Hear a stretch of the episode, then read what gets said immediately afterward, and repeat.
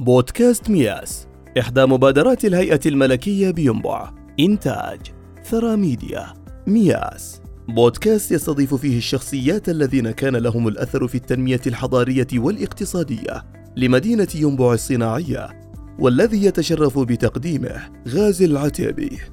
الدكتور عبد الله الفوزان سعيدين اليوم. أه وحنا نستضيفك في مركز التطوع بمدينة ينبع الصناعية من خلال هذه الزيارة. قبل أه ناخذ نبغى ناخذ انطباعاتك عن الساعات اللي نقول يمكن إلى الآن ما وصلت 24 ساعة عن مدينة ينبع الصناعية. ماذا شاهدت يا دكتور؟ وماذا رأيت؟ وماذا تريد أن تقول من خلال ما شاهدته اليوم؟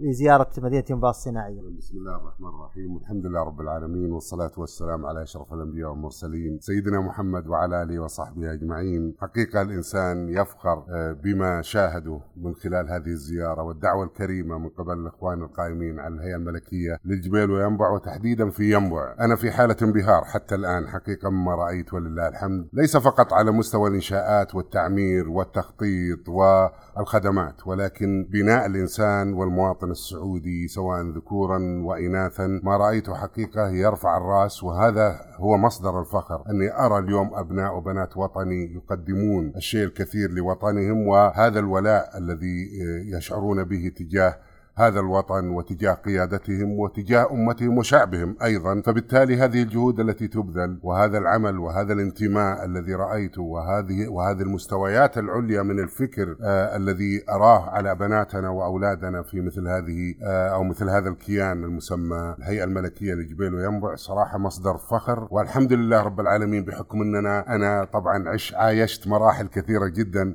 ربما ما عشتوها أنتم بحكم أنكم لسه شباب لكن أنا ربما بلغت من العمر ما يصل إلى ستين عاما فبالتالي الله يطول بأعماركم فأرى هذه التحولات ورأيت حجم التحولات التي حدثت. أنا دخلت المدينة أو الهيئة الملكية لجبيل وينبع وتحديدا ينبع الصناعية حقيقة. أنا ما رأيته مدعاة للزهو والفخر لما شاهدته حقيقة من تنظيم وترتيب وأيضا نماذج حقيقة من الشباب والشابات السعوديات. هذا ما نريده حقيقة هذا ما نريد أن نصنعه هذا هو ما نفاخر به الأمم والشعوب. الشعوب فالحمد لله رب العالمين أني أنا اليوم وجدت هذه العقليات التي لديها الاستعداد بأن تبذل الشيء الكثير لخدمة هذا الوطن وخدمة قيادتها وخدمة دينها قبل كل شيء. وأيضا يعني هذه الرسالة والسمو في العمل التطوعي تحديدا. المركز التطوعي في الهيئة حقيقة وهذه المبادرات التي اطلعت عليها اليوم تنم عن روح إنسانية وتنم عن فعلا أخلاق عظيمة جدا بأن نقدم ما نستطيع للناس. والهيئة الملكية عندما تتبنى حقيقة وتحتوي مثل هذه المبادرات إنما يدل دلالة كبيرة جدا على أنه في رأس الهرم لديهم الوعي الكافي بأهمية العمل التطوعي وتشكيل حقيقة قائمة ويعني قاعدة بيانات بالمتطوعين والمتطوعات. هنيئا لنا حقيقة بكم. كل في مجال المبادرة التي يعمل بها فلا تستهين دائما. يعلم الله أني أنا سويت طبعا محاضرات كثيرة جدا عن أثر العمل التطوعي في بناء الشخصية. ولذلك تحدثت حقيقة من واقع التجربة التي عشتها في مجال خدمة ذوي الإعاقة في عمل تطوعية كيف أنها حقيقة ساهمت أولا بشعور الإنسان بأنه له قيمة. هذا أولا بأني أنا لي قيمة في هذا المجتمع. ومن خلال العمل التطوعي يشعرني بهذه القيمة للأمانة. الشيء الثاني أنه الدور الشعور بأني أنا لي دور في هذا المجتمع. ولا تستهين بدورك مهما كان صغير. فلذلك استطعت فعلا من خلال العمل التطوعي شعرت بأني أنا لي دور. ثالثا الشعور الإنساني الذي يتجذر في داخلك بأنك رفعت المعاناة عن كاهل بعض الفئات المجتمعية العاجزة عن خدمة نفسها. وهذا صراحة يعني أمر غير طبيعي في أنك تدرك دورك الإنساني والنبل الذي في داخلك وكيف تخرجه للمجتمع. البعد الآخر هو الجانب المعرفي. للأمانة العمل التطوعي أنا عملت مع ذوي الإعاقة ومن خلال مركز يعنى بخدمات المعاقين بديت أفهم مفردات وبديت أفهم علم بحد ذاته. ال seating seats هذه ما تعرفت عليها اللي هي كراسي التي نفصلها للناس اللي عندهم شلل وإلى آخره. مفاهيم كثيرة جدا تعلمتها حقيقة من خلال العمل التطوعي. البعد الآخر وهو عندما يأتي إليك الناس الذين تقوم على خدمتهم ورعايتهم ثم يدعون لك. هذه بحد ذاتها شعور غير طبيعي بأنك تشعر بالامتنان يعني حقيقة وتشعر بأنك قريب من الناس. و أيضا رفعت المعاناة عن عن كواهلهم وساعدتهم ووقفت معهم. كانت تجربة حقيقة مميزة. فايضا هذا الإحساس غير طبيعي. ناهيكم عن بعض الأشياء التي تحدث أحيانا بالمصادفة من بعض من تقوم على خدمتهم ورعايتهم من بعض الهدايا التي يأتون بها إليك وأنت لم تطلبها أساسا لكن هم يشعرون بالامتنان تجاهك. فهذا الدور الحيوي في العمل التطوعي وبناء الشخصية حقيقة. ناهيكم قبل ذلك اللي هو الشعور بأنك أنت أرضيت الله سبحانه وتعالى وكسبت الأجر العظيم ولا ندري ماذا سيدخلنا الجنة من أعمالنا. فلذلك حقيقة أنا هني والله هني الهيئة الملكية بينبع حقيقة على هذا الدور الحيوي والرائد وتبني مثل هذا هؤلاء الشباب. أيضا نسيت أقول لكم اللي هو أنا شعرت بأنه أوقات فراغي أشغلتها بشيء مفيد يعني للأمانة. صحيح كنت أستاذ جامعي لكن كان عندي فراغ في في وقتي وبالتالي ملأته من خلال هذا. والبعد الأخير اللي استفدته حقيقة وأحيانا سبحان الله ليس فقط للآخرة لكن للدنيا. صرت أطبق استبانات على الم...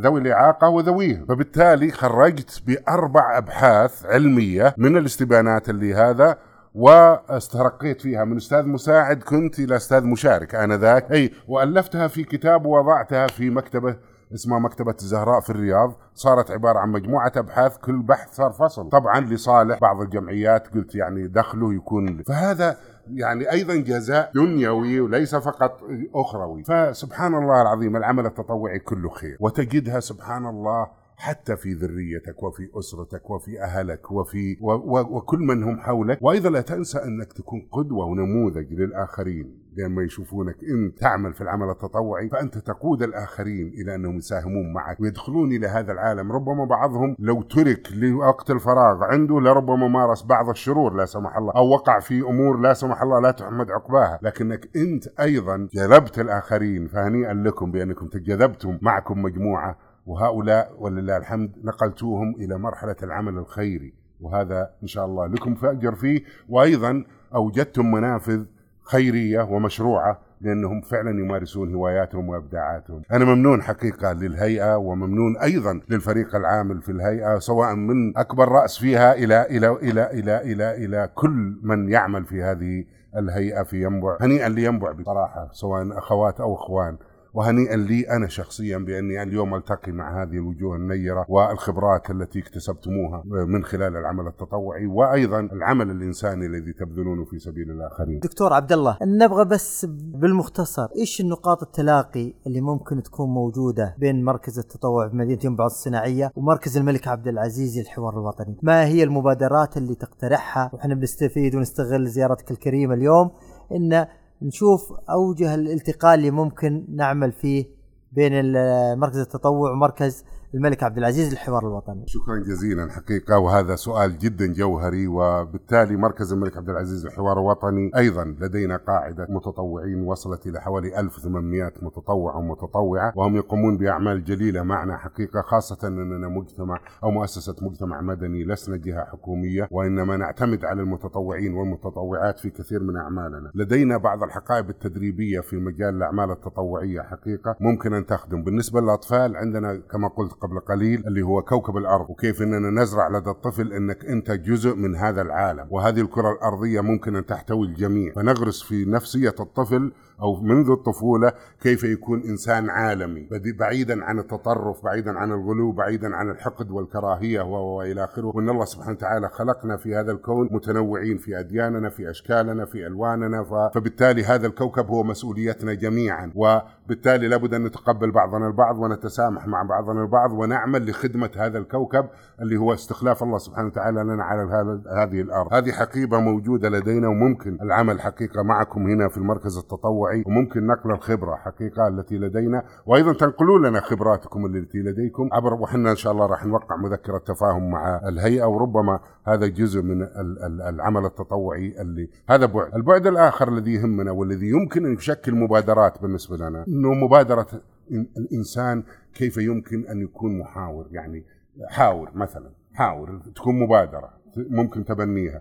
بنشر ثقافة الحوار وكيف نتقبل الرأي الآخر؟ وأنه إذا كان لك رأي ترى عند الآخرين آراء. كيف يمكن نتقبل بعضنا البعض؟ ليس بالضرورة أني أنا أقنعك ولا تقنعني لكن أعرض ما لدي وتعرض ما لدي ولكن بحسن نية وبكلام منطقي وأيضا في نوع من التسامح والتقبل للرأي الآخر. هذا مهم جدا حقيقة بأننا ممكن أن نعمل مبادرة معكم في هذا الخصوص. أهم شيء بالنسبة لنا في هذا الوطن الكريم حقيقة أنه الله سبحانه وتعالى ولله الحمد ألف قلوب الناس من شمال المملكة إلى جنوبها ومن شرقها إلى غربها ووسطها. هذه اللحمة الوطنية التي نعيشها اليوم. يعني ممكن عمل مبادرات تخص حقيقة اللحمة الوطنية. بأننا ننشر ثقافة أننا كيف أننا كلنا ولله الحمد كمجتمع في ظل قيادتنا الرشيدة كيف ممكن أن نحفظ هذا هذا الكيان. وشفنا كيف مع الأسف كيف أنه ثورات ما يسمى الربيع العربي والخريف العربي كيف دمرت دول بأكملها. وشردت شعوب وكم من الدماء سالت وكم من الخسائر وكم هربت رؤوس الأموال من البلدان هذه وكيف تكالبت كثير من الدول كل حسب مصلحته على هذه الدول وبالتالي بعد ما كانوا أخوة متحابين صاروا أعداء فيما بينهم. لذلك قضية اللحمة الوطنية ممكن حقيقة اللي هو التطوع لديكم ممكن أن يتبنى فكرة وبالتالي مع المركز ويكون نزودكم بالمادة ونعمل معا في تبني حقيقة مثل هذه الفكرة. قضية أخرى حقيقة وهي مهمة جدا بالنسبة لنا هي قضايا التسامح والتعايش. كيف نكون متسامحين مع الآخرين؟ كيف ننبذ التطرف والإرهاب؟ كيف يمكن فعلا أني أنا أتعايش مع أخي الإنسان؟ الله سبحانه وتعالى خلق هذا الكون لناس مختلفين. فكيف ممكن أني أنا أتسامح مع أخي الإنسان؟ وأبرز يعني مهام العمل التطوعي أن تتجاوز العنصريات أساسا. وأنك ما تكون عنصري. لو لقيت واحد إن شاء الله بوذي ولا ولا مسيحي ولا من أي ديانة ولا من أي لون ولا من أي عرق أنت مطالب بأنك مسلم وأيضا كحس إنساني الثاني أنك تقدم الخدمة لهؤلاء الناس. فالتسامح ينطلق من هنا. وأيضا الجماعات الإرهابية إنما تزرع الحقد في نفوس للأسف بعض الأفراد وبالتالي يقومون بعمليات إرهابية تستهدف ناس أبرياء، فلذلك زرع التسامح في مجتمعنا خاصة ونحن نعيش اليوم مرحلة انفتاح الحمد لله على العالم، وأيضا يعني آه، آه، رؤية المملكة 2030 بقيادة آه، سمو ولي العهد تستهدف حقيقة بناء الإنسان المتفاعل مع البشر، لماذا لا نساهم في الحضارة البشرية؟ لماذا لا يكون لنا دور؟ لماذا لا يكون حنا نساهم في خدمة أي إنسان محتاج في حول العالم. ليس بالضرورة مسلم لأنه العمل الخيري ممكن يمتد حتى لغير المسلمين. فهذه من الأشياء المهمة. والتسامح ليس فقط أقصد على مستوى الخارج مع مع الآخر لا حتى على مستوى الداخلي سواء اختلافات مذهبية اختلافات مناطقية اختلافات قبلية اختلافات يعني مهما كانت نوعية الاختلافات إلا أننا نبقى شعب واحد تحت قيادة واحدة يجمعنا وطن واحد فبالتالي قيمة التسامح أنا أعتقد لو تم تبني مبادرة في هذا الخصوص سواء داخليا أو حتى خارجيا أنا أعتقد أنه بإذن الله تعالى ممكن أن نعمل معا في مثل هذه. تقريبا بعض المبادرات التي يمكن إن شاء الله تعالى. ولذا نحن نريد أن نستفيد منكم يعني مبادراتكم للأمانة معنا في المركز لأننا نحن منفتحين على الآخرين ومن حسن الحظ إننا ما إحنا جهة معقدة بالبيروقراطية لأننا جهة مستقلة غير حكومية. فبالتالي عندنا مرونة في الحركة وإلى آخره. نعم هدفنا فعلا صناعة الإنسان اللي ممكن ان يتفاعل مع الحضارة البشرية ويكون متسامح ومتعايش. وأيضا قبل كل شيء محافظ على دينه ومحافظ على بلده وأيضا عنده ولاء لقيادتنا الرشيدة. هذه القيادة تآلفت حولها القلوب. لو أنفقت ما في الأرض جميعا ولا لا؟ تآلفت حولها القلوب. نسأل الله سبحانه وتعالى أن يديم هذه الألفة. ليه؟ ليه؟ لأنه لا سمح الله لو صار شيء هم عمود الخيمة في, في هذا البلد. مع من ستتآلف القلوب؟ لكن هذا لأنهم إن شاء الله أخيار. الله سبحانه وتعالى اختارهم. البعد الآخر واللي أنا ما أدري يعني المبادرات اللي ربما ما أدري أضفناها ولا لا خدمة ضيوف الرحمن اللي هو أنتم الله يعينكم يعني أيضا نحن يأتي إلينا واصطفانا الله سبحانه وتعالى كسعوديين وهذه والله اصطفى لماذا أنا دائما أسأل لماذا الله اصطفانا إحنا كسعوديين لخدمة بيته الحرام ليش ما اختار غيرنا؟ ليش ما صاروا غيرنا اللي, اللي ما هو حنا؟ هذه أنا أعتقد أنها ميزة من الله سبحانه وتعالى لأهل هذا البلد، لأن الله سبحانه وتعالى أعلم بأننا نحن الأقدر على خدمة الحرمين الشريف. ولأننا أبعد ما نكون الحمد لله عن الشركيات والشغلات هذه اللي ممكن أن تفسد. وأيضا لدينا الاستعداد والقابلية. شوفوا كم كم اللي يخدمون الحجاج والمعتمرين من العسكر ومن المدنيين ومن الجامعات ومن الكشافة ومن لا يقل عن حوالي يمكن 300 ألف شخص يعملون لخدمة ضيوف الرحمن. فأنا أعتقد أنه مثل عندنا إحنا مبادرة ما هي مبادرة حقيبة تدريبية عن إعداد مدربين يتعاملون مع الحاج والمعتمر بالتعاون مع وزارة الحج للأمانة هو وأيضا عملنا حتى مع الدعاة اللي يقابلون الحجاج كيف تتعامل معهم كيف هذا وإلى آخره. ولا بد أن تتفهم التنوع والاختلاف وبعض الممارسات وإلى آخره. وصراحة الحمد لله سواء رجال أمن أو حتى دعاة وغيرهم سوينا لهم دورة تدريبية بهذا الخصوص. فنحن في خدمتكم. أنتم بس تدللوا وآمروا ونحن نتكامل في الجهود إن شاء الله. شكرا أنكم أعطيتوني هذه الفرصة. غازي ترى كنت المسؤول. ها إذا تبي تسألوا سألوه. شاكرين لكم آه، ضيفنا العزيز والكريم الدكتور عبد الله فوزان سعيدين اليوم. مدينة ينبع الصناعية سعيدة سكانها آه، أبنائك وبناتك المتطوعين المتطوعات سعيدين بهذه الزيارة المباركة اللي ما نتمنى إن شاء الله أن تكون الأخيرة. شكرا من القلب لك وبإذن الله تعالى إلى لقاء قريب. قريب بإذن الله تعالى. شكرا لاستماعكم لهذه الحلقة ويسعدنا جدا نشركم لها ولمن تحبون.